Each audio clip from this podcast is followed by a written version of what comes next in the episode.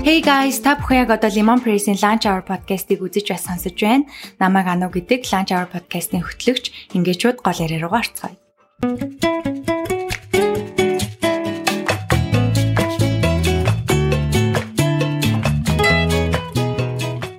Бидний подкастаа бэлтгэн өргөж буй хоёр хэмжээст кофе шопын зочны суудал дээр ажилд орох болон ажилд авах үйл явцыг шин төвшөнд гаргах зорилготой ажиллаж буй ажлын байрны платформ Nito Tech компаниг үүсгэх захирал мөнх талаа хүрэлцэн ирсэн байна. Ингээд подкаст маань автаа морил.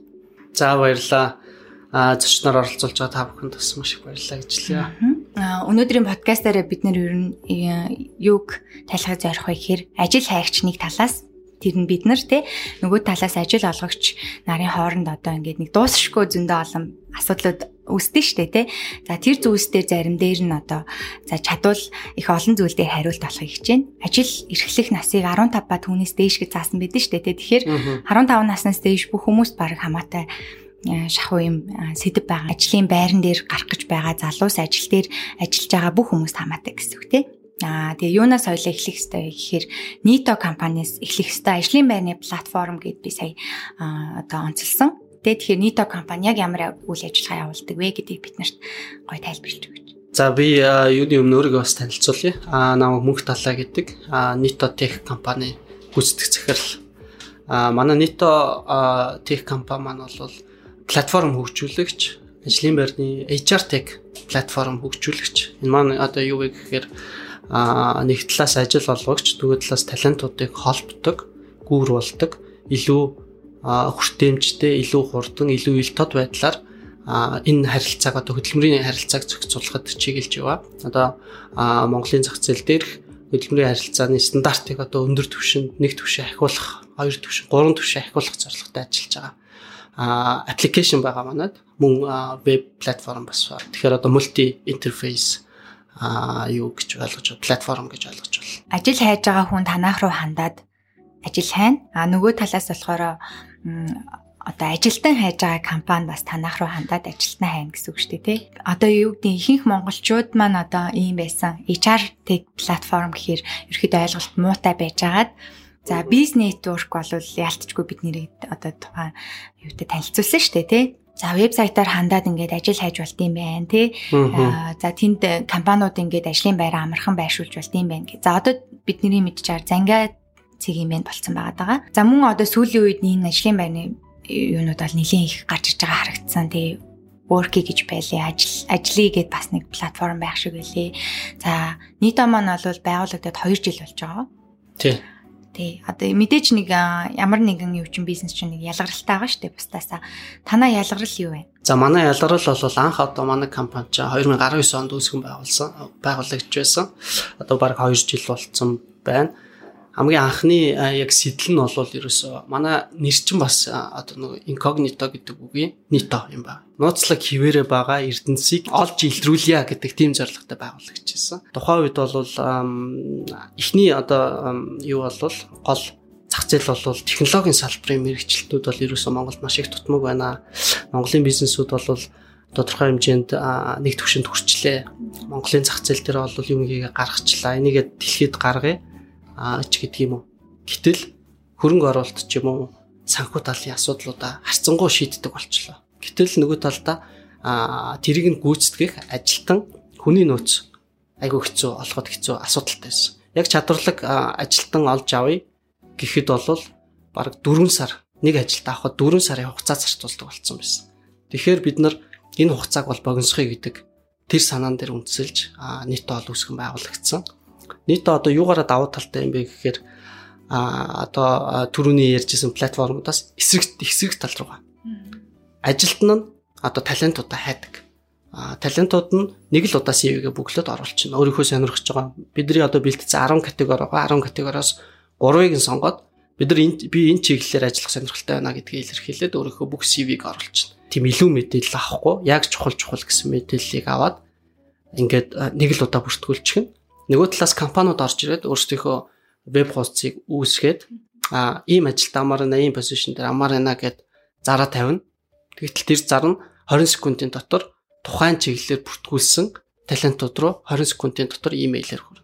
Тэгэхээр одоо ажилт нь ажил олгогчоо хайдаг биш.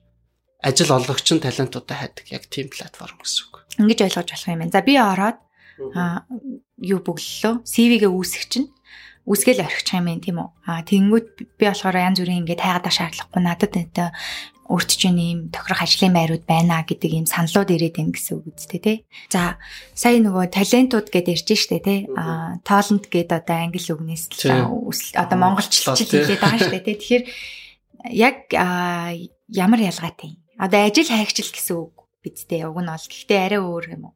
Энэ маань яг арай өөр юм байна. Бид нар одоо манай платформ дээр жишээ нь нийт CV pool-д байгаа нийт хүмүүсийн а 80 гаруй хувь 83-аас дээш хувь нь одоо ажилтай хүмүүс байдаг. Тэгэхээр яг ажил горлогч ч юм уу ажил хайгч гэхээр бидний одоо нөгөө концепц дээр бол яг буухгүй байгаа.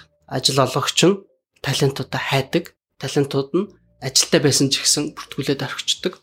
Үнэхээр илүү сайхан нөхцөлтэй тийм ажлын байр өөртөө тохирсон гэсэн тийм ажлын байр гараад ирэх юм бол одоо jump хийх боломжтой ч юм те. Тэгэхээр энэ бол бас нэг арай өөр байгаад байгаа. Талент гэх тийм өөр нэр томьёо гэж ойлгож байна. Тийм үү. Тэгэхээр саяны ярианаас би бол талент гэхээр ажилтай мөртлөө ажил хайж байгаа хүмүүс л гэж ойлгож байна л да.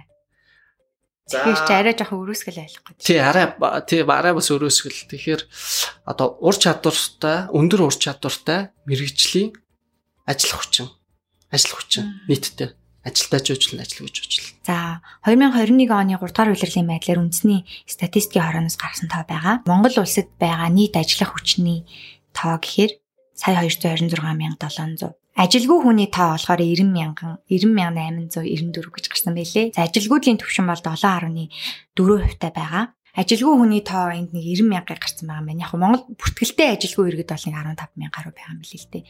Танаа платформ дээр би бол бас нэг 15 мянган нэмэх хэрэглэгч байдаг гэж харсан. Одоогор ер нь хідэн ажил хайгч байна. Дээрэс нь ажилтан хайж байгаа хідэн байгууллагатай танаа хамтарч байна.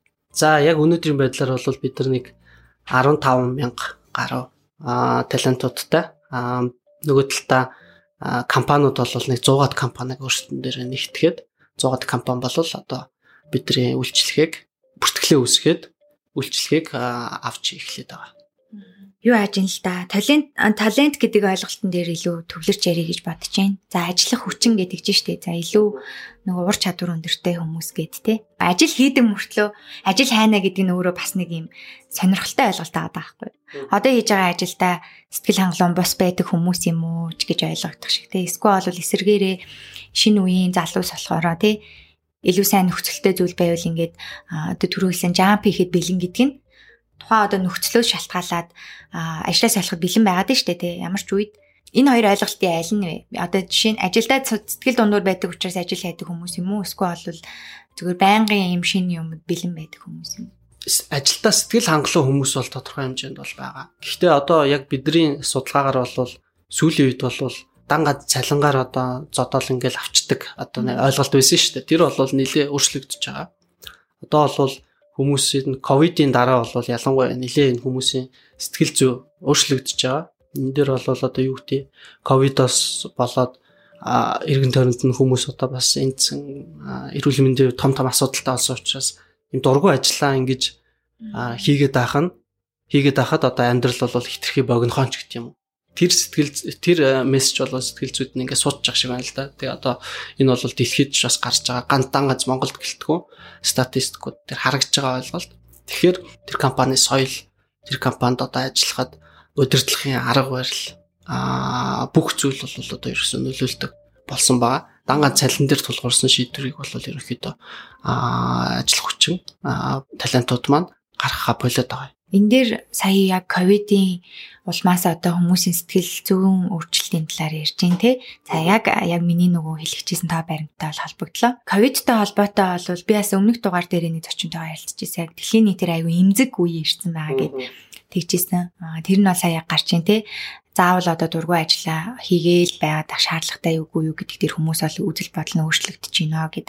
За энэ дээр ингэсэн ковидын нөхцөл байдал бол маш олон зүйл нөлөөлөөд эдийн засагт ажлын байр гэд айгүй олон зүйл нөлөөлсөн. За тэрний дотор хамгийн одоо том том тоонууд гарч ирсэн гайхшруулсан зүйл бол Америк байгаа л да. Тийм Америкт болохоор яасан бэ гэхээр 2021 оны 11 сард болохоор 4.5 сая хүн ажиллаа орхисон. Тэгээ энэ бол одоо сүүлийн 20 жилд байгаагүй юм өндөр тоо байгаа. Тэгэхээр чинь энэ болохоор юу гэсэн үг гэхээр манай улсын бүр нийт хүн амаас 1.4 дахин их хүн жишээ нь Америкт ингээ ажил ажилласаа гарчиж байгаа байхгүй юу?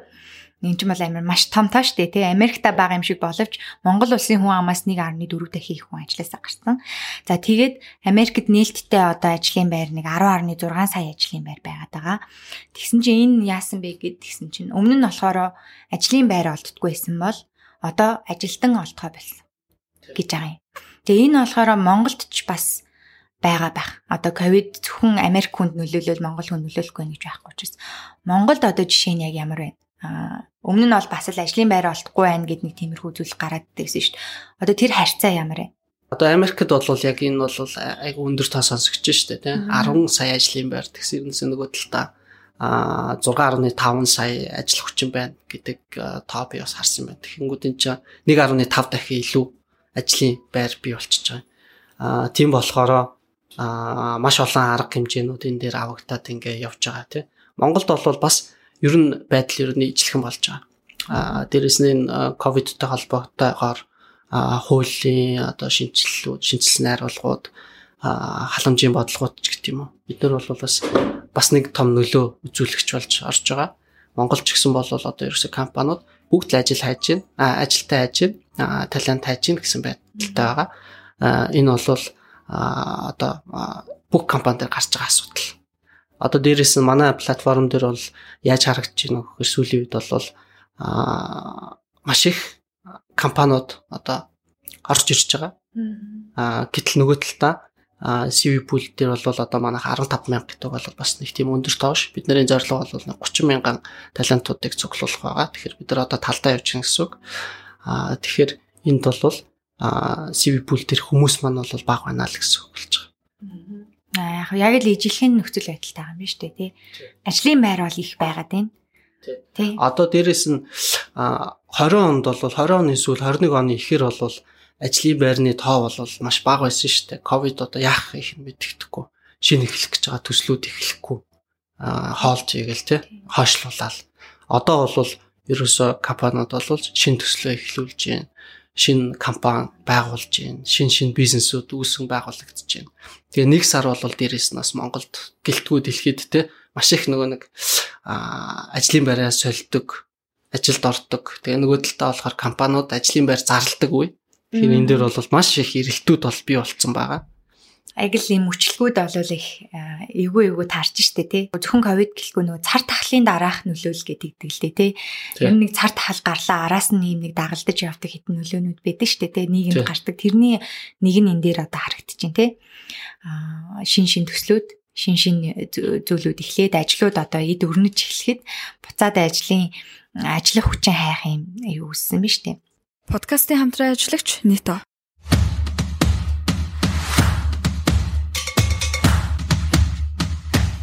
саяны нөгөө нэг ажил хаял зарлаад байгаа дээр бас нэг хэлэх хэрэгтэй.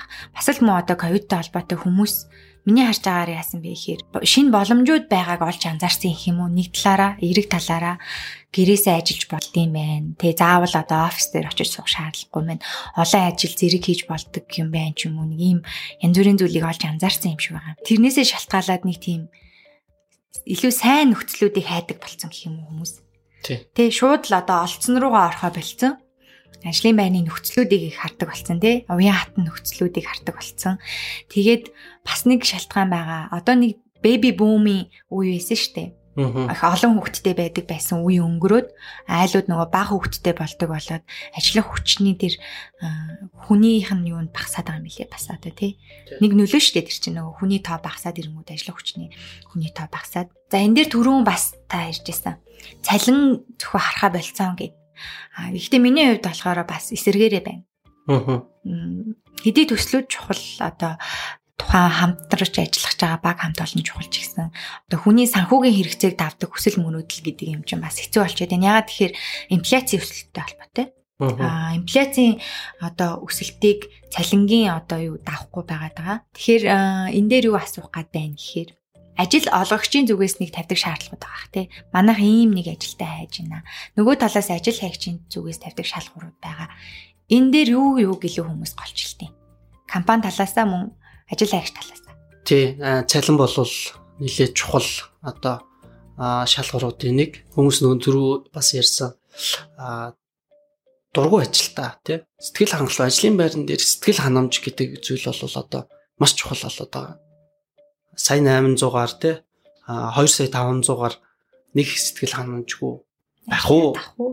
2 сая 200-аар айгүй сэтгэл ханамж өндөртэй гой хамт олонтой ажиллах уу тий ажил одоо хайж байгаа хүмүүстэй талентуудын зүгээс бол бас өөр өөр шалгуур тавьдаг ажлын байран дээр өөр өөр шалгуур тавьдаг юм хүмүүсийн төрлүүд байна л да.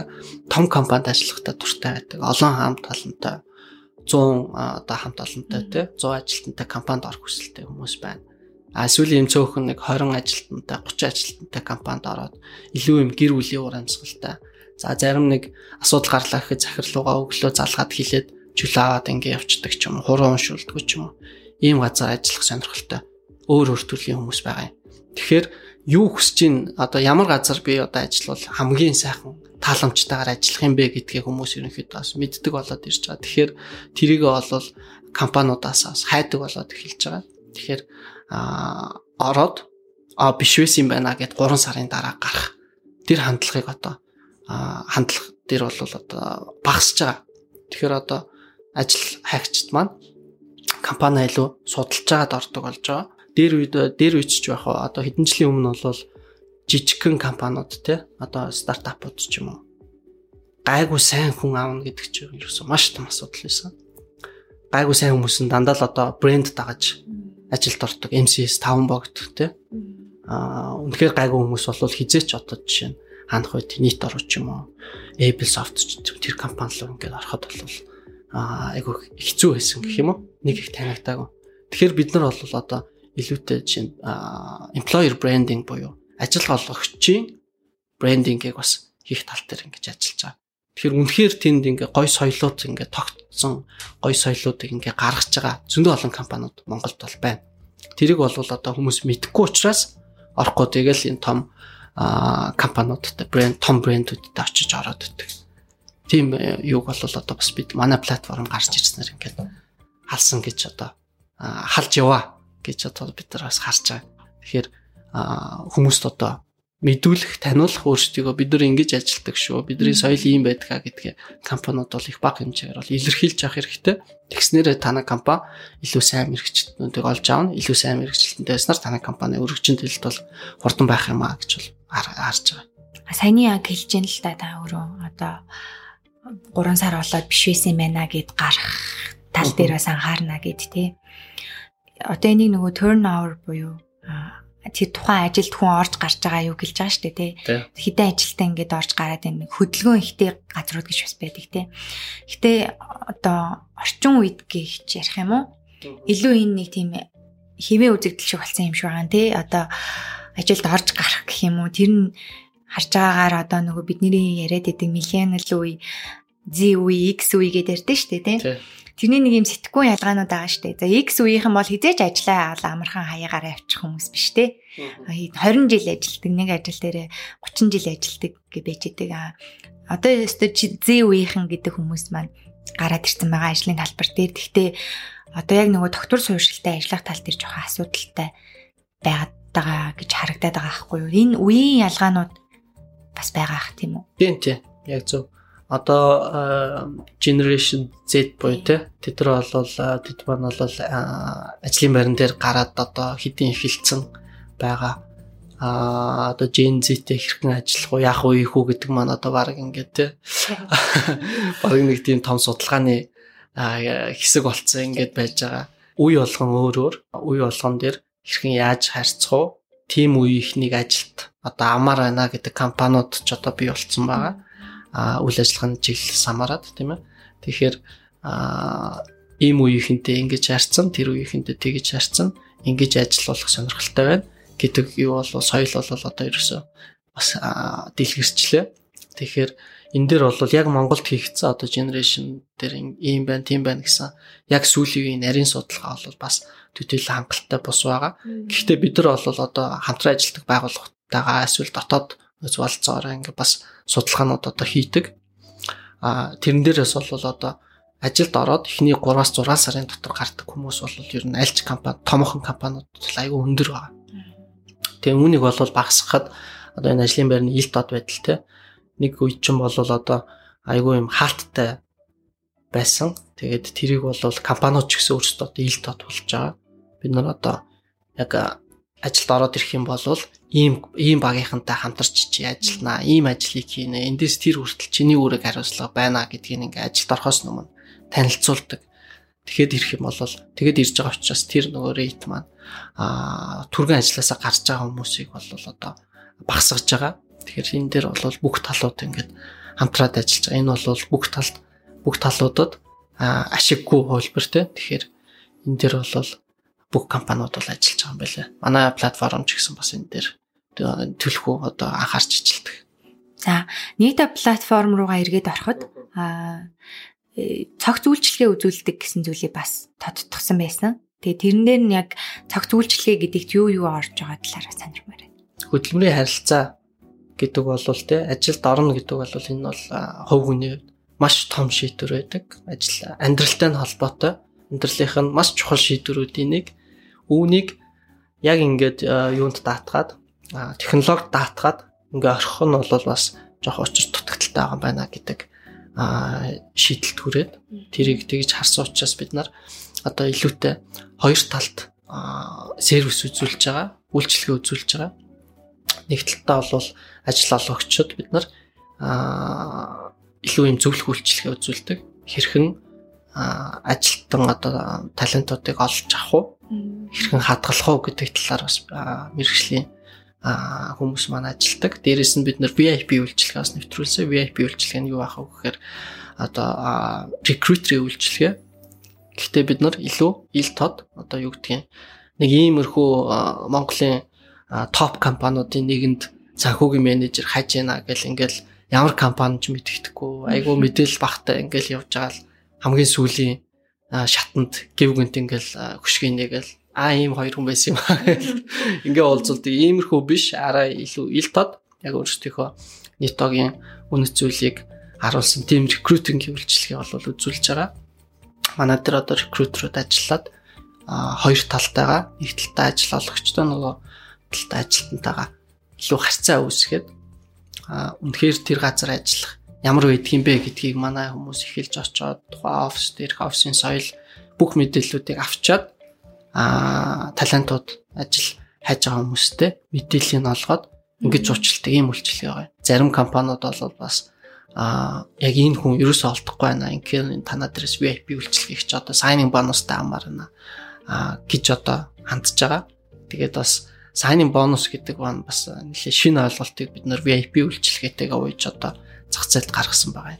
Энэ бол а дэлхий дээр бол яг хуу шинэ ойлголт бол биш. Гэхдээ Монголд бол харьцангуй шинэ ойлголт яг платформороо signing bonusтай ажлын байр зарладаг тийм өөр платформ бол одоор байхгүй байгаа. Манай дээр одоо энэ signing bonusтай ажил зарлж байгаа нэлээд хэдэн компаниудад ороод ирж ажлын байраа зарлцсан байгаа. Тэрийгэ би тэгэхэд бас юм цогц үйлчилгээ гэж нэрлсэн байгаа.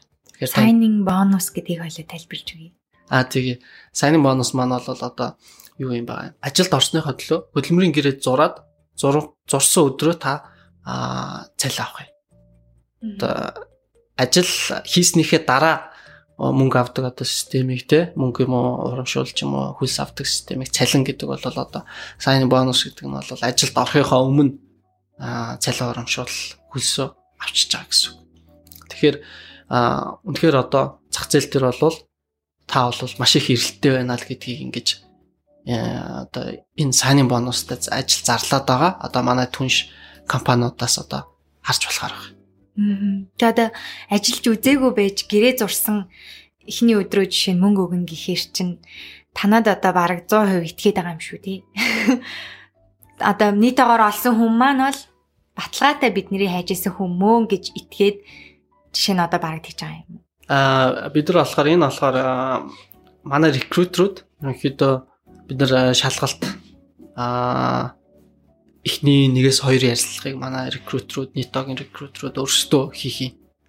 Тэгэхээр нөгөө компани олж чадахгүй байгаа тэр талент, ур чадвартай, ажлын туршлагатай тэр хүмүүсийг а а одоо илүү хөнгөн, илүү амар замаар тэнд зардал болохгүйгээр бид нар ажиллаад манайхан олж өгөөд эхний ярилцлагуудыг хийгээд шалгалтыг аваад үнэхээр 5 жилийн туршлагатай 10 жилийн туршлагатай хүн мөн байна уу үгүй юу гэдгийг тодорхой хэмжээнд шалгаад шалгаруулад тэгээд цаашаага цөөхөн кандидат буюу одоо горлогчдыг танилцуулна гэсэн.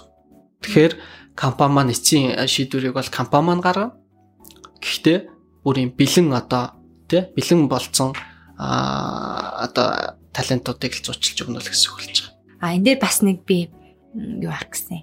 Одоо жишээ нийтээр ингээ хүмүүс ажил хайлаа. Эргээд компаниудын санал хүмүүс рүү очлоо. Хүмүүс эргээд компаниуд руу CV-г явууллаа тий. За тэгээд ярьслах хийлээ тухайн хоёр хүн.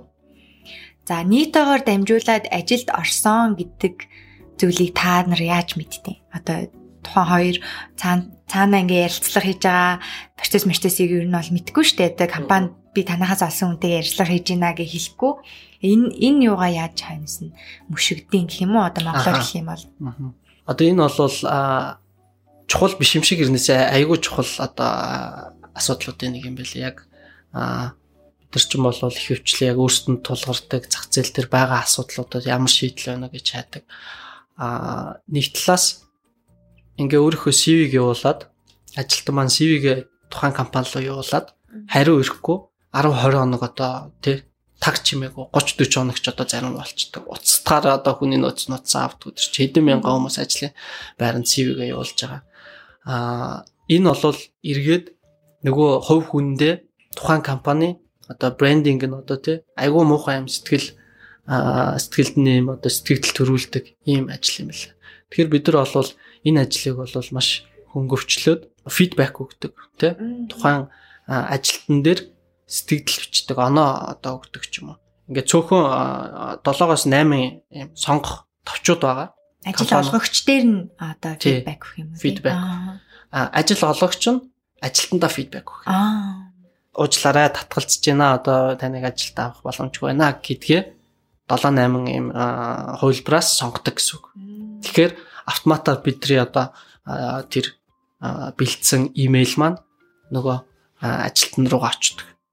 Уучлаарай одоо таны ажлын туршлага бол одоо бидний хайж байгаа одоо юунд бол арга хөрөхгүй байна та дараа жил оролт орооч юм. Аль эсвэл уучлаарай одоо таны мэрэгжлийн чиглэл маань бол одоо бидний хайж байгаа юм тохирохгүй байна ч гэдэг. Энийг бол а буцаж одоо хүрх тэр фидбек өгөх өгөхөд одоо маш их цаг хугацаа зарцуулдаг байсныг одоо бид бол ингээд сонгоол нэгэн товч дараал явуулцдаг. Нөгөө үндэ а би эндээс ингээд татгалцсан, надад татгалцсан ариу ирчлээ гэд ингээд ирчдэг. Бид нар дээр нийт од дээр бол юу харагдах вэ гэхээр а энэ хүнээс татгалцсан байна, энэ хүнээс татгалцсан байна, энэ хүн авсан байна гэдэг. Тэр одоо мэдээлэлүүд нь харагдана гэсэн. Эсвэргээрээ би жишээ нь компанид үнэлгээ өгж болох уу? Одоо энэ компани доор нь бичээдтэй юу гэдэг чинь энэ жоохон хүний нөөц нь жоохон цагаа барьдгүй байлээ шүү өөрөө ч юм уу те эсвэл орсон чинь шал өөр эсэн шүү компани соёл нь бичснээсээ шал өөр эсэн ч юм уу би тэр компанид үнэлгээ өгч болох уу танай платформ дээр болно энэ бол одоо манай бас нэлээд чухал а юунуудын нэг фичрүүдийн нэг. Анх болвол бид нар чи soft launch 20 оны 10 сард хийжсэн. Тухайн үед бол зөвхөн ревю бичдэг а сэтгэл бичдэг тийм байдлаар гарч ирсэн. Тэр нь яг вэ гэхээр одоо ажиллаж байгаа ажилтан эсвэл өмнө ажиллаж исэн ажилтнууд тухайн компани дээр сэтгэл бичих боломжтой. Энд ажиллахад иймэрхүү байдаг шүү. Компани соёл нь ийм байдаг аа. Аа өглөө хоцроход одоо жишээ нь торгодог оч гэдэг юм уу тий. Тэр тэр нь бол одоо дараа дараагийн ажил хайж байгаа талентуудад маш том дэмжлэг болдог. Нөгөө эргээд 3-аас 6 сарын дотор ажлаас гарч байгаа хүмүүсийн тоог багасгахад бас маш том хувь нэмэр оруулж байгаа. Яг дотор нь байсан хүн тэрийгэ үнэлээд ингээд юу бичдэг сэтгэл бичдэг тийм юу бол байгаа боломж бол байгаа. Надад бол бүр маш их таалагдчих. бичмээр л штэ тий. Ер нь бол үннийг бас заримдаа хэлмээр эсвэл бүр гоё байсан гэдгийг бас хэлмээр л штэ тий. Би энэ компанид бол маш их талархаж явдаг аа. Тэг ингээд ингээд ингэсэн.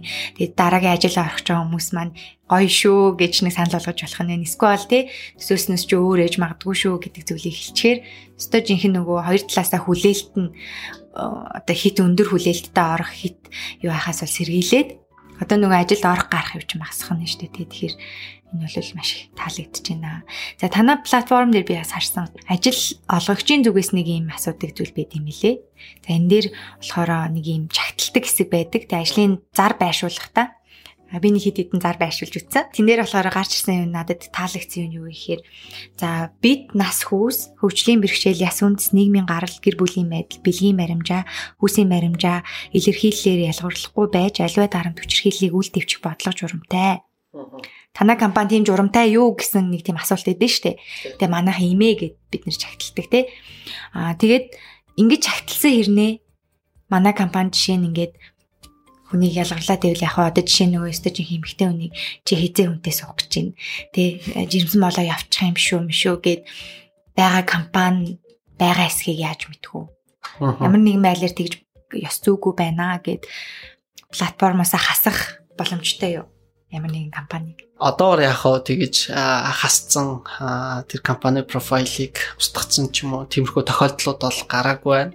А бид нар тэр бидний би түрүү нөгөө дурдсан ур чадварт суурилсан платформ юм аа гэд. Бид нар бол хэрэглэгчийнхээ мэдээллийг аюулгүй байдлыг бол бас өндөр түвшинд хангахаар зорж ажилдаг. Тэмдээ ч одоо бид нар бол хамаа намаагүй те шаардлагагүй мэдээллүүдийг бол аль болох автгүй. Манай CV-г бүглэхэд бол нэг 5-аас 6 минут л шаардлагатай. Маш богино хугацаанд үнэхээр шаардлагатай мэдээллүүдийг л бид нар авна.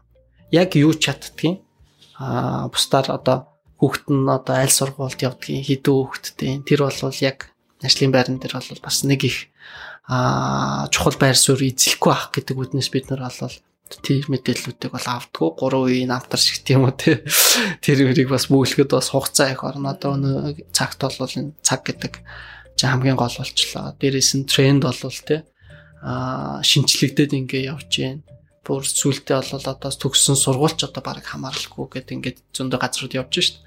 Тэгж яхад бол бид нар тэр илүү мэдээллүүдийг бол аваад тах нь буруу юм а гэдэг мессежийг илүүтэй компани руугаа өгдөг. Одоо яг тэр түрүүний хэлсэн зүйлүүдэд дагаж мөшгөөд байнгын ингээд хараа янаад ингээд очиж шалгаад аваад ихтэй шалгалж бол байхгүй. Гэхдээ яг яг тэр мессежүүдээ бол бид нар байнгын платформын алхам тутамд одоо өгдөг байгаа. Тэгээ дээрээс нь бид нар бас нөгөө мэдээллүүд нито типс бас өгдөг. Нито типс төр бол илүүтэй яг энэ чиглэлийн одоо ажлын байрны сэтгэл ханамжийг аль аль талдаа хэрхэн сайжруулах вэ? Ажлын байран дээр сэтгэл ханамжтай ажилтан байснараа компани ямар давуу талтай юм бэ гэдэг юм.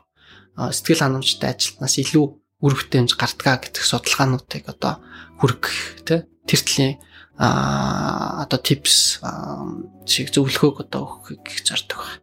Одоо саяны ярьсан дээр гэх юм бол яадаг Монгол компаниудын нэг жоохон нэг тийм юу аваад идэв штэ хүний эрхийн мэдрэмжгүй ч юм шиг асуултууд хүний нөөцөд нь тавьдаг те. Аа. Ялангуяа би сая хэлдэгчлэн эмэгтэй хүнээс гэр бүл төлөвлөлтийг нь асуудаг тий. Аа тэгээ энэ бол угаасаа амар хатуухан хэлэхэд чи жирэмсэн болоо явчин. Тийм учраас бид нэр тэхгүй хүн хайж ийна гэнгээ хэлээд идэг. Тэгээ энэ их айгу муухай те. А ер нь бол яг тэгж асууж байгаа компани бол эхнээсээ л хандлан буруу байна гэж баг ойлгочих хэрэгтэй юм шиг. Тэгээ ажил хайгч одоо хүн бол а тэгээ дээрэс нь бол энэ асуултанд заавал хариулахгүй хариулах албагүй шүү. Энийг бас хүмүүс мэддэг байгаасаа гэж үсэж байна те. А гэр бүл төлөвлөлтийн байдлаа бол тайлагнаад суугаад ах ямар шаардлага байхгүй шүү. Хүмүүс тэгээд мэдхгүйгээсээ шалтгаалаад би ингээд 5 жил хүнтэй суухгүй юм уухгүй гэл ингээл үргэлж ярьсан сууж идэв штэ те. За энэ дээр юу ярих гэдэг хэрэг хөдөлмөрийн тухай хуулийг ярих гэсэн. Шинжилсэн даалтууд бас ороод ирсэн байгаа даа тий. За та хэдийн хувьд бол энэ хууль дээр илүү их нэрээ ажилтнууд хийдэг байх. А тий ямар ямар шинжилсэн одоо заалтууд орчихсон онцлог юм юу байна? Хөдөлмөрийн тухай хууль дээр. За сая 1 сарын 1-ээс одоо хэрэгжиж байгаа хөдөлмөрийн тухай хууль бол маш олон зүйл залтууд бол нэмэгдсэн, солигдсон, өөрчлөгдсөн. Судлахад бол баг 20-од залтууд төр нэлээд томох өөрчлөлтүүд гарсан байна гэж бол харсан. За би бол яг онцлох ганц нэг юмнуудыг бол ярья л да. Тэгэхээр энэ дээр бол ажилч ажилтныг хамгаалсан нэлээ сайн сайн залтуудаас орж өгсөн гэж бас харж байгаа. Одоо юу гэдгийг ростер 14 14 урхан ростертай ажилладаг хүмүүс бол 14 14 болсон байгаа. Энийг бол тэнцвүүлж одоо хуульчилж өгсөн. Өмнө нь бол бас компаниуд яс а одоо яг дотоод журмаараа ч юм уу ингэж зохицуулдаг байсныг бол хуульчилж өгсөн байна. За үл өрсөлдөх гэрээ гэж хийдэг шүү дээ ажлаас гарахт нь. Тэрэн дээр бол бас нэлээд сайн зохицуулт орсон юм уу гэж бас харж байгаа. Энэ дээр бол а үл өрсөлт одоо тэр чинь насаараа нэгтлээ хийсэн бол хүн бол тий насаараа бэлэнгийн инженер хийсэн хүн бол гараал тэгэл дахиад тэр л ажиллая шүү дээ. Өөр одоо юу гэдэг санхүүгийн менежер очиж хийх хэцүү шүү дээ. Тэгэхээр иймэрхүү гэрээний залтнууд бас компаниуд оруулаад байдаг. Энэ дээр бол бас хязгаарлах залтаас оруулж өгсөн байлээ. Аа за өөр гэх юм бол хөдөлмөрийн маргааныг бас нэлээ хөдөлмөрийн маргаан гардаг зүйл залт англиудыг бас бас нэлээ наривчилж бас өгсөн байлээ. А томоохон хоёр хуваадаг байсан одоо тэр англиуд дээр бас өөрчлөлт орсон байлээ. За дээрэс нь гэх юм бол аман гэрээ гэдэг бас ойлголтууд бас гарч ирсэн байлээ. Амаар тохирсон байсан ч юм уу те хөдөлмөрийн гэрээ байгуулаагүй ч гэсэн аман гэрээгээр одоо тохирсон байсан ч гэдэг юм. Тиймэрхүү зүйл залтууд төрөл орсон байлээ. Тэгэхээр бас нэлээ нарийн тийм шинжилсэн хуулийн найруулга гарч ирсэн гэж ойлгож байна. Илүү нөгөө нэг миний харчаар ажилтан талдаа бол уг нь илүү нөө ээлтэй хууль болсон гэж бас харагдаж байгаа юм билэ тий ажил олгогч талтай биш ажилтан талтай гэх юм уу. Хууль дээр гэх юм бол хөдөлмөрийн тухай хуулаа ажил хайгч хүмүүс маань өөртөө сайн бас мэддэггүй шүү дээ тий. Одоо хөдөлмөрийн тухай хууль уншаад сууж явах хүн хэрэг болдоо тий. Тэгэхээр тэрнээсээ болоод бас заримдаа өөрсдийнхөө нөгөө эрхийг мэддэггүй тий. Ажилтан хүн ямар эрхтэй байдığım бэ гэд эрхээ мэддэггүй ингээ эрхээ зөрчүүлээд яваад идэг. Жишээ нь одоо хөдөлмөрийн тухай хууль дээр бол ажил олгогч цалингаа ингээд оройтуулдаг штэ зарим газар ингээд тавихгүйгээр оройтуулаад хоцорсон хоног бүртээ жишээ нь уг нь бол алтанг тооцоо тэр ажилтанд өгөх ёстой ч байд юм уу те. Тэгэхгүй бол манай нөгөө нэг ажил хийж байгаа хүмүүсийн тэрийг мэдэхгүй болохоор өө манай компани ахтай нэг ингээд хоцроож байгаа өгчдийн 3 4 хоног хоцорж байгаа нь баг ингээд хэвэн юм шиг булгаа хийцэн. Тэр нь жоохон бас очир дутагдлаа санагдав. Тэгэхээр ажил хайж байгаа хүн бол хөдөлмөрийн тухай хуулийг бас сонирхоод үзэх хэрэгтэй юм шиг санагцсан. За тэгээд мөн юу энэ дээр юу ярих гэдэг нь гэхээр компаниуд ажилтнаа их нэг тийм юу хаад штэ. Компани хүнээр дутдаггүй гэдэг нэг муухай үг Монголд өгдөө штэ. Энэ бол угаасаа бүр үнэн заяа байдаг үг ахгүй юу. Хүний тутахгүй штэ гэлдэ чи гарлаа чиний ажлыг дахиад нэг хүн орж ирээ хийж штэ гэл ингэдэг. За яг энэ дээр асуух гэсэн. Одоо талент гэдээ ярьж байгаа дээр ярихад ур чадвартай ажиллах хүчнийг компани яаж тогтоож авч үлдэх ёстой вэ тий одоо компаниудад бас хэлмээр байна. Тэр хүний нөөцийн ажилтнууд үдчих байгаа бол бүр сайн л үсттэй. Ур чадвартай ажилтан хүн бол мэдээж ингээл нэг шин гой нөхцөл гараад ирэхэд те татгалзах юм байхгүй би тийшээгээ явъя гэдэг юмыг бол компанид хэлнэ штэ. Гэтэл тэр компани тэр ажилтнаа авч үлдэх ёстой байснаа мэдхгүйгээр явуулцдаг. Боддоор ингээд нэг алдагдлууд хүлээгээд эхэлдэг те. Тэгэхээр компаниуд одоо тэр талент гэж нэрлээд байгаа хүмүүсээ яаж авч үлдэх вэ? Авч үлдэх шаардлагатай гэдэг тал дээр нэг юм ухуулан зурчилгаа хийвэл компани хүнээр дутдаггүй гэдэг үг бол яг жоо хоцрогдож байгаа үг гэж бол миний хувьд бол боддог. Үнэхээр э, өргөжин тэлгэж байгаа холын тий алсыг харсан тийм ажил хийж байгаа бол энэ бол маш буруу. Шинэ хүн авах зардал гэж байдаг. Шинэ хүн авах зардал нь өөрөө одоо байгаа хүнээ тогтоон барих зардлаас хамаагүй илүү өндөр. Тэгэхээр альч компани энэ бол ерөөсөө тий альч компанид байдаг юм туршлага. Тухайн хүн шинэ ажилд ороод яг одоо үр бүтээл гаргаад үр бүтээлтэй ажиллах хугацаа нь бол 3-аас 6 сар дор ээж дор ээж штэ тий байдаг. Тэгэхээр энэ бол шинэ хүн аавна гэдэг бол өөрөө айгүй буруу сонголт. Тэгэхээр тэр холын алсын хараатай том юмлуу зорж байгаа компаниуд бол одоо энэ хандлагаас бол ерөнхийдөө зайлс хийгээд ингэ явж байгаа. Тэгэхээр ирээдүйд бол илүү л одоо тэр юм бол багасах байх тэр хандлага бол илүү багасах байх. Компани соёл гэдээ ярьсан те. Компани соёл гэдэг бол яг юм ерөнхий а үг ойлголт байгаа. Энэ дотор бол маш олон а зүйл болоод задарчж байгаа. Тэгэхээр тэр болгон дээр бол бид нар компаниуд бол анхаарах хэрэгтэй. Тэгжиж л хүнээ барьж үлдэнэ. За нэгдүгürt мэдээж цалин болвол цалин хангамж урамшуул бол бас нэлээд том хөшөөрөг болно. Тэгээ хажуугаар нь хамт олонны уур амьсгал, багийн уур амьсгал, шууд удирдлагын харьцаа, хандлага энэ бол бас нэлээд дээгүүр орж ирдэг тийм үзүүлэлт. Аа за тэгээ компани соёл, журам а одоо тэр ажил нь хэрхэн яаж явж байна вэ? Үнэхээр ингээ хичээгээд байдаг. Гэтэл ингээ компани маш том өөрийнх нь нэг жижигхэн шийдвэр одоо баг 20 10 20 хоногийн дараа гараад байвал тэр хүнд бол маш урам одоо баг байдаг ч гэх юм уу те. Энэ бүхэн маань бол ерөөсөө нэг нэг үзүүлэлт болоод явчихж байгаа. Тэгэхээр хүнээ сайн хадгалж үлдээх гэх юм бол хүнтэйгээ сайн ажиллах хэрэгтэй. Яг юу өсч чинь компани дотор нь яг хамгийн жижиг нэгж дээр юу болж байна гэдгээ хараад мэдрээд тэр тал дээр илүү компаниуд ажиллах хэрэгтэй болов. Тийм шүү.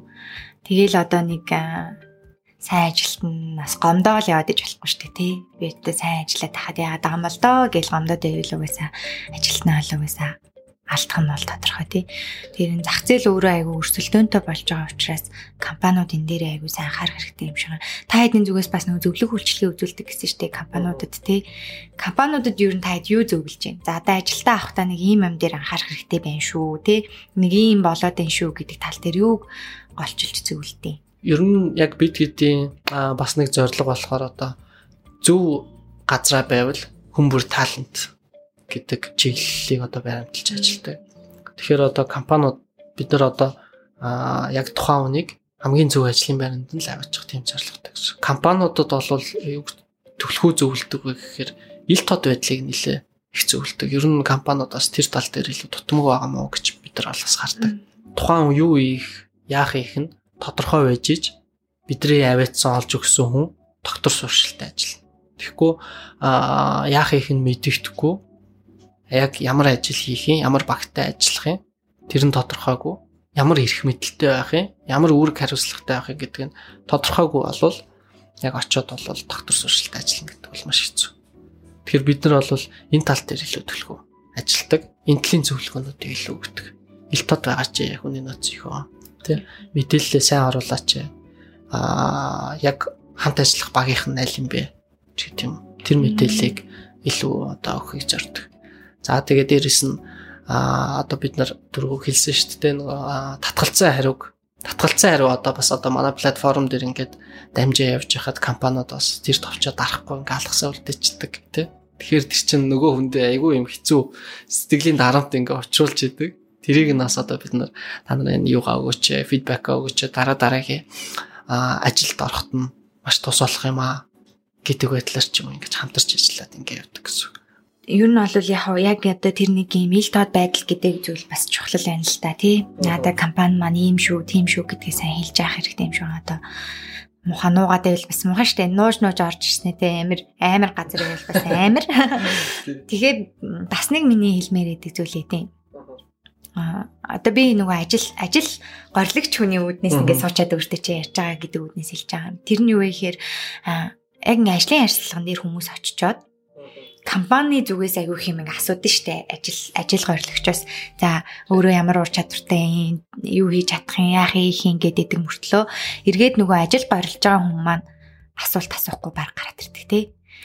Уг нь бол бас хоёр талаасаа л энэ ярьслах штэ. Хоёр талаасаа окей би ийм юм хийж чаднаа Тэгтээ танай компани ингэдэг үү, тэгдэг үү, те би ямар багтаа хамт ажиллах вэ? Ажлын орчин нөхцөл маань юу вэ? Ажиллах цаг маань юу вэ, те? Илүү цагаар ажиллахад ингэхүү, тийхүү гэд ингээд асуултуудаа тавих хэрэгтэй юм шиг байна, те. Э, тэгээд энэ дээр бас ажил горилогч талдаа энэ нэг юм боловсрал тал дээр нь та маань яаж анхаарч байна? Би тэгэхэд вебсайт дээрээ ерөнхийдөө мэдээ мэдээллүүдийг байнгын оруулдаг. Аа, имэйлээр бас манай ньюслетер 7 хоног биш 2 7 хоног болгон нэг явдаг. Тэгэхээр энэ дээр бол их хвчлэн дандаа зөвлөгөөнүүд явт юм ба. Манай ажилд орох гэж байгаа хүн бол манай вебсайт дээрх одоо зөвлөмж хэсгийг бол зөвлөгөө хэсгийг бол бүгдийг нэг уншиж хэрэгтэй. Тэрэн дээр бол бид нар нэлээ гол гол зүйлсийг маш богинохон те а хүнд одоо хэдхэн минутанд уншаад хүрчих болгоод ингээд товчлоод оруулсан байдаг. Энд дээр бол ажлын ярилцлаганд орохдоо яах вэ, их ямар асуудал асуулт асуух уу, аа цаашдын одоо карьераа та яаж төлөвлөж чинь ч гэх юм уу тийм зөвлөгөөнүүд байдаг. Би нэг бас нэг зүйл сонирхох гээд а би нөгөө нийтод өөрөө зар оруулж исэн гэлсэн шүү дээ. Тэгсэн чинь над руу шүн мэйл ирсэн байсан. CV-гээ илгээсэн байна гэ шөнийн 3 цаг магт ирсэн байсан. Тэгэд тэрэндээ би бас гайхчихсан байхгүй аа шөнийн 3 цагт манах шүү мэйл илгээж байгаа юм болоо гэд тэр тиймэрхүү нэг одоо юу гэдэг танаа платформ дээр ажиглагдчихж байгаа. Одоо энэ датанаа цугларч байгаа шүү дээ. Ажил гойрлагчийн ажил хайгчийн зүгээс гардаг нэг тийм янз бүрийн сонирхолтой зүйлс юу байна. А айгүй нэг сонирхолтой нэг баримт байдаг л да. Манай дээр одоо хүмүүс маань хөвчлэн ажлын өдрийн шүн орж ирж анкета бүгэлдэг. Тэгээ тийм айгу emotion дээр тийм суурилсан шийдвэр одоо шийдвэр гаргалт байдаг юм уу гэж би бас бид нар бас хардаг. Тэгээд шүн нэг цагаас ихсүүлэл хүмүүс CV-гээ бүгд орж ирээд. Тэгээд дээрэс нь бас яг Монголын юунд бол зах зээлд бол нэгээс 4 сард ерөнхийдөө хүмүүс айгүй их ажиллалт их байдаг. Тэнд ч одоо сүүлийн одоо он гарсаар сүүлийн доногт одоо цөөхий танагч манайх ингээд шүн болгон өдөр болгон тий нэг 500-аас дээш хөө ингээд CV-г хийгээд бүртгүүлээд ингээд орж ирээд одоо богинохоо хугацааны дотор а 7000-аас 15000 болчиход байгаа. Тий. Аа тэгээд шүн одоо танил мэйл очиж гинэ гэдэг маань шүн нэг тий санхүүгээ шинжилж орж ирээд CV-гээ үүсгээд бүртгүүлчихэж байгаа байхгүй. Тэнгүүт манайх нөгөө одоо идэвхтэй байгаа ажлын байрны ажил зарлцсан байгаа одоо нэг компаниуд ажил зарлцсан байгаа тэр бүх компаниуд руу CV-н ингээд зэрэг очдог apply хийх юм бол тэгэхээр тийм учраас шүн очиж байгаа. Ингээд нөхөд одоо нөгөө хүн лүг очдог гэсэн. Бүртгүүлэлээ шууд одоо явж байгаа актив байгаа заруудыг шууд авдаг. Авангуута оо lemon press гингүүд apply дарцсан гэсэн үг байхгүй. Сайн хэлж штэ нэгээс 4 сард их итгэвтэй хөдөлгөөн ордог гэд энэ юунаас шалтгаалд юм бэлээ? За энэ бол одоо а бас олон юмнаас шалтгаалдаг баг.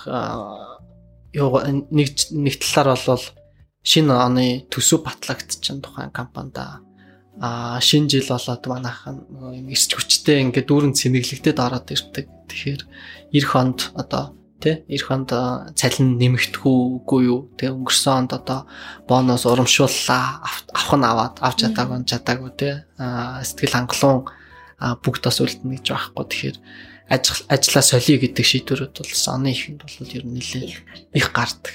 Тэгээ бас 7-оос ерөнхийдөө 9 сард бас нэлээ а одоо ажлын байр ажилласаа гарч шинэ ажил одоо хайх үйл явц бол нэлээ бас итгэвчдэг. Энэ бол одоо наадам дуусаад 7 хоногийн амралт болоод тэгээд өөртөөгөө одоо ярилцдаг одоо моментууднууд их гараад өөрийгөө өөрт тийшээ сорж үзье гэдэг юм. Тэрнтэй бас холбоотой. Дээрээс нь хүүхдийн одоо хичээлийн шинжил эхэлж байгаатай холбоотой зардлууд бас нэлээ ихсээд ирдэг учраас санхүүгийн талын а одоо хүндрэлүүд ч гэдэг юм уу те нэлээ том зардлууд гарч ирдэг учраас тэр бас нөлөөлдөг.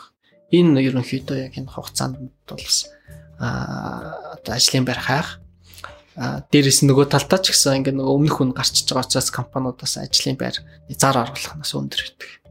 Бас их сонирхолтой юм байна. Анаач ч болохоор яг нөгөө хүний юм сэтгэл зүйн асуудлууд яваад штэ тий. Шүний хувьд бол би ч гэсэн өөрөө тэгж бөглөжсэн. Гинтхэн тий ингээл өөртөөгөө ярилцж байгаа л тэгээ эргэлзэж эргэлзэж байгаа л нэрээ юу илээ гэснээ энэ чи ингээл гинчүн мөн мугасаа босоод анкет манкет бүглээ штэ. Окей би ерөн шийдлээ гэл. Э бас сонирхолтой хүмүүс бас их тийм ойр байгаа гэж бодоод байна. А бас нэг юм инэттэй нэг юм мим яваад идэв штэ. А нөгөө 20 настай хүнтэй ярилцлага хийжсэн нь биднэрт ингээ 30 жилийн ажлын туршлагатай хүн хэрэгтэй байна гэгээд ажлын туршлагатай болох нь бол ажил хийх хэрэгтэй. Тэгсэн чинь нөгөө ажил хийх гэсэн чинь ажлын туршлагатай хүн хайгаад байна гэдэг идэв штэ. Аа Энэ тал дээр ер нь яаж одоо энэ зөрүүг яхин арилгах хэрэгтэй вэ? Тэрэн дээр бол одоо юу гэдгийг бүр байхгүй болохгүй бах. Гэхдээ компаниуд бол бас ойлгоод одоо ер нь бол ажил хүчин олох нь өөрөө айгүй том асуудал болсон учраас а нэг үе бодвол компаниуд ингээд аа үгүй гэл гэдгийг суучдаг тэр байдал бол ерөнхийдөө өөрчлөгдөж байгаа. Өөрчлөгдөхөөс ч аргагүй болж байгаа энэ бол дан ганц Монголд биш гэж төрүүлсэн те. Ингээл зар тавиал өмнө нь бол энэ зарын сайт те зар зар тавиал ингээл хүлээгээл за хин анкета өгөх нь яах нь гэж хүлээгээ суучдаг байсан бол одоо л ер нь нэлээ өөр болж байгаа. Өөрсдөө бас хойноос нь явахгүй л болвол гайгүй ажиллах авахгүй. Нэг хүнтэй ярилцчаад ажлын ярилцлага хийчаад за холбогдъё гэд 2-7 хоног болчиход бол нөгөө ажилд аль хийж орцсон байх бол түгээмэл үзэгдэл болчиход байгаа. Тэгэхээр тэр хандлага бол ер нь харцангуй гайгүй болж байгаа. Яг зах зээл дээр. Подкастын хамтран ажиллагч Нито.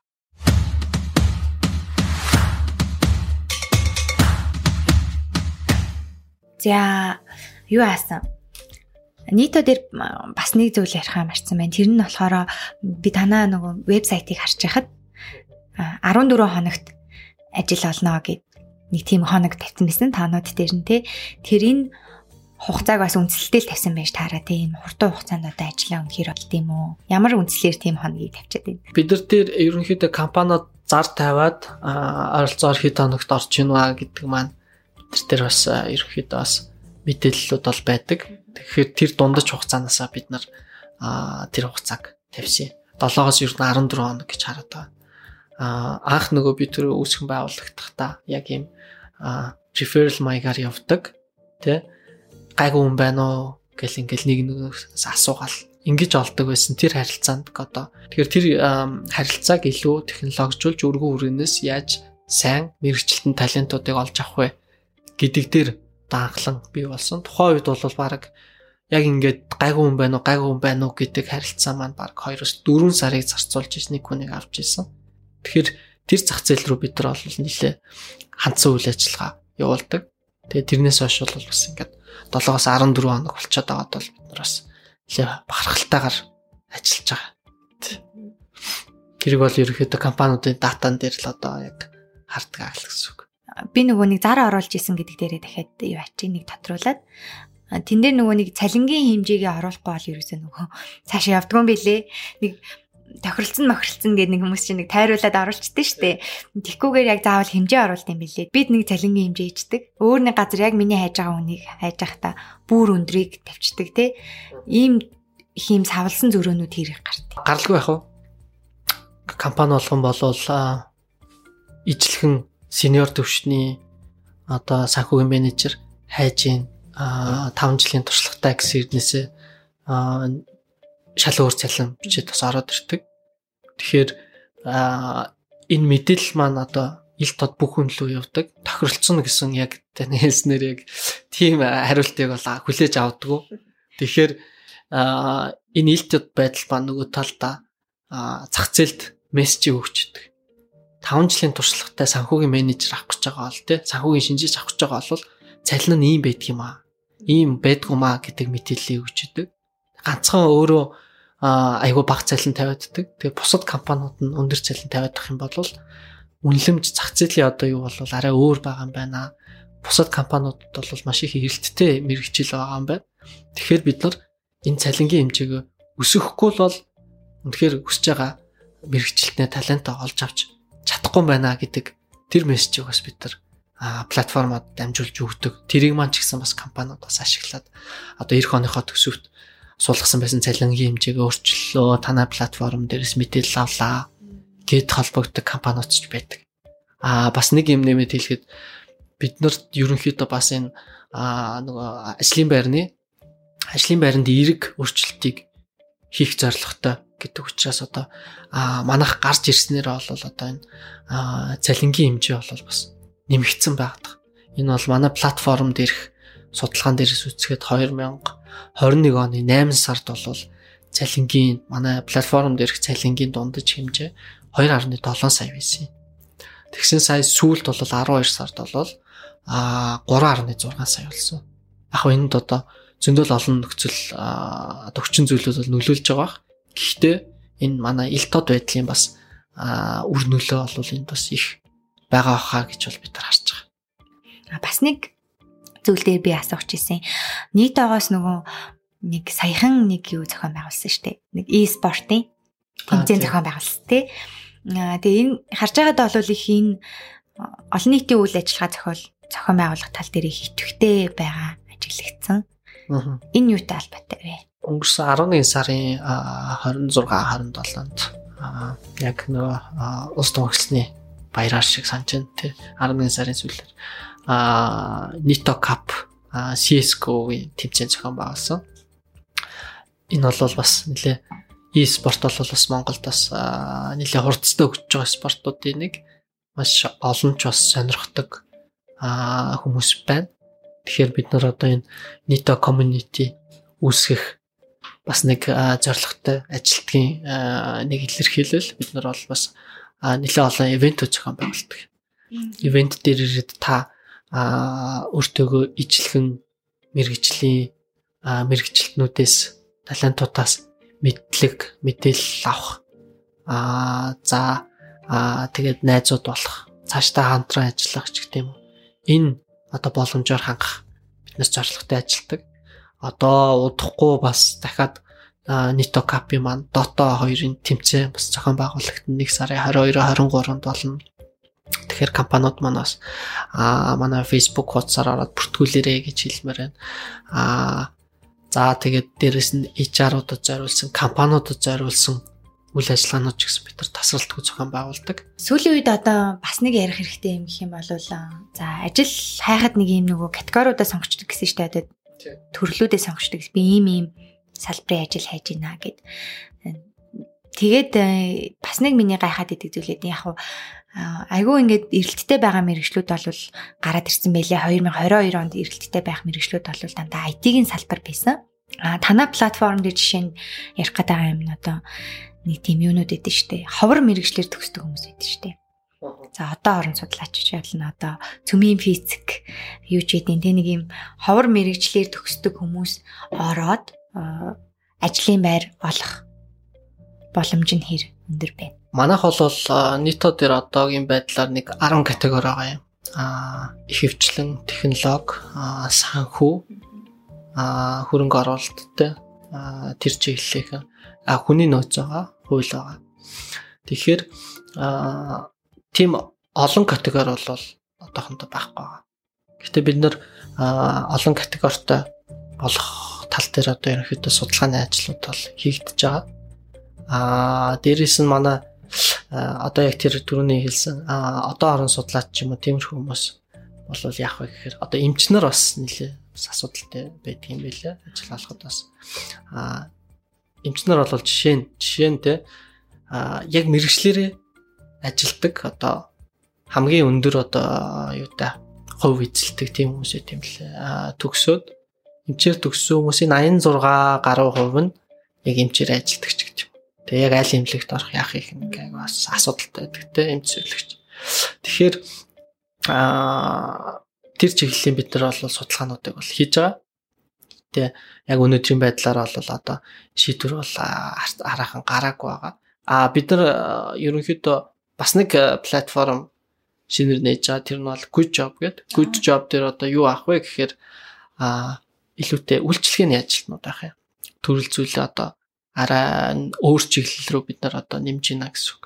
Илүү франчайз бизнесүүд дээр үйлчлэгээний ажил хийх сонирхолтой хүмүүс бүртгүүлээд за нөгөө талдаа бол франчайз бизнесүүд үйлчлэгээний одоо арай өөр зэрэглэлийн те үйлчлэгээний ажилтан авъя гэсэн хүмүүс одоо компаниуд одоо хандна гэсэн.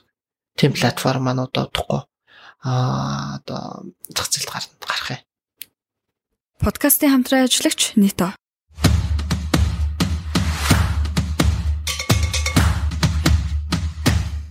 Зүлийн асуулт бол Нито ер нь цаашид юу зорж ийн вэ? Аа том том илүү томоор мэдээж бизнесээ харж байгаа байх тий.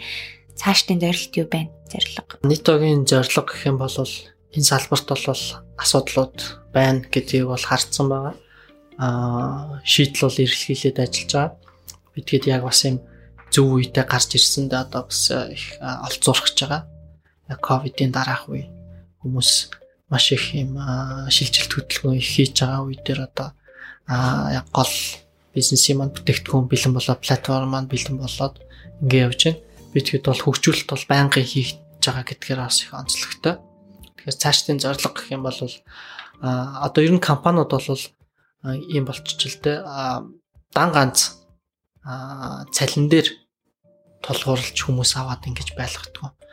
За одоо урамшуулал ажилчдад одоо чиглэсэн үйл ажиллагааныхын зардал нь цалингийн зардлынх нь 20-оос дээш хувийг ерөнхийдөө эзлээд эзэлдэг болоод ингээ эхэлж байгаа юм. Тэгэхээр энэ маань одоо нэг талдаа одоо employer employee experience буюу одоо яг ажилчдад очиж байгаа тэр сэтгэл ханамж дээр тулгуурласан маш их ажлууд одоо хийдэг болоод эхэлж байгаа. Эхэлсэн тий. Одоо ч явж байгаа. Тэгэхээр энэ чиглэл дээр бид нар бол нэлээ зорж ажиллаж байгаа. Яаж тухайн хүнийг ажлын байран дээр аа илүү сэтгэл ханамжтай, ад жаргалтай ажиллуулах уу? За нөгөө талдаа компаниудыг яаж team компани болгохгүй? Энэ чиглэл дээр бол ажиллаж байгаа. Тэгэхээр дан ганц платформ, платформ маань ингээд хүмүүсээ төвлөрүүлээд компаниудаа өөрсдөндөө нэгтгээд ингээ болчихно. Дараагийн зорилго бол тэр байгаа. А Азийн зах зээл бол бас ойрхон харагдаж байгаа. Манай платформ бол бид нар өөрсдөө хөгжүүлсэн. Яг гардаг хүн болгон дээр гардаг асуудлуудыг судлаад судалгаан дээр суурлаад шийдвэр шийдэл гаргаад өөрсдөө ингээ хөгжүүлээд явж байгаа гэдгээр бол нэлээд онцлогтой. Манай технологийн баг бол бас нэлээд туршлагатай хамт олон байгаа. Тэгэхээр алсын араа бол тэр чигт байгаа.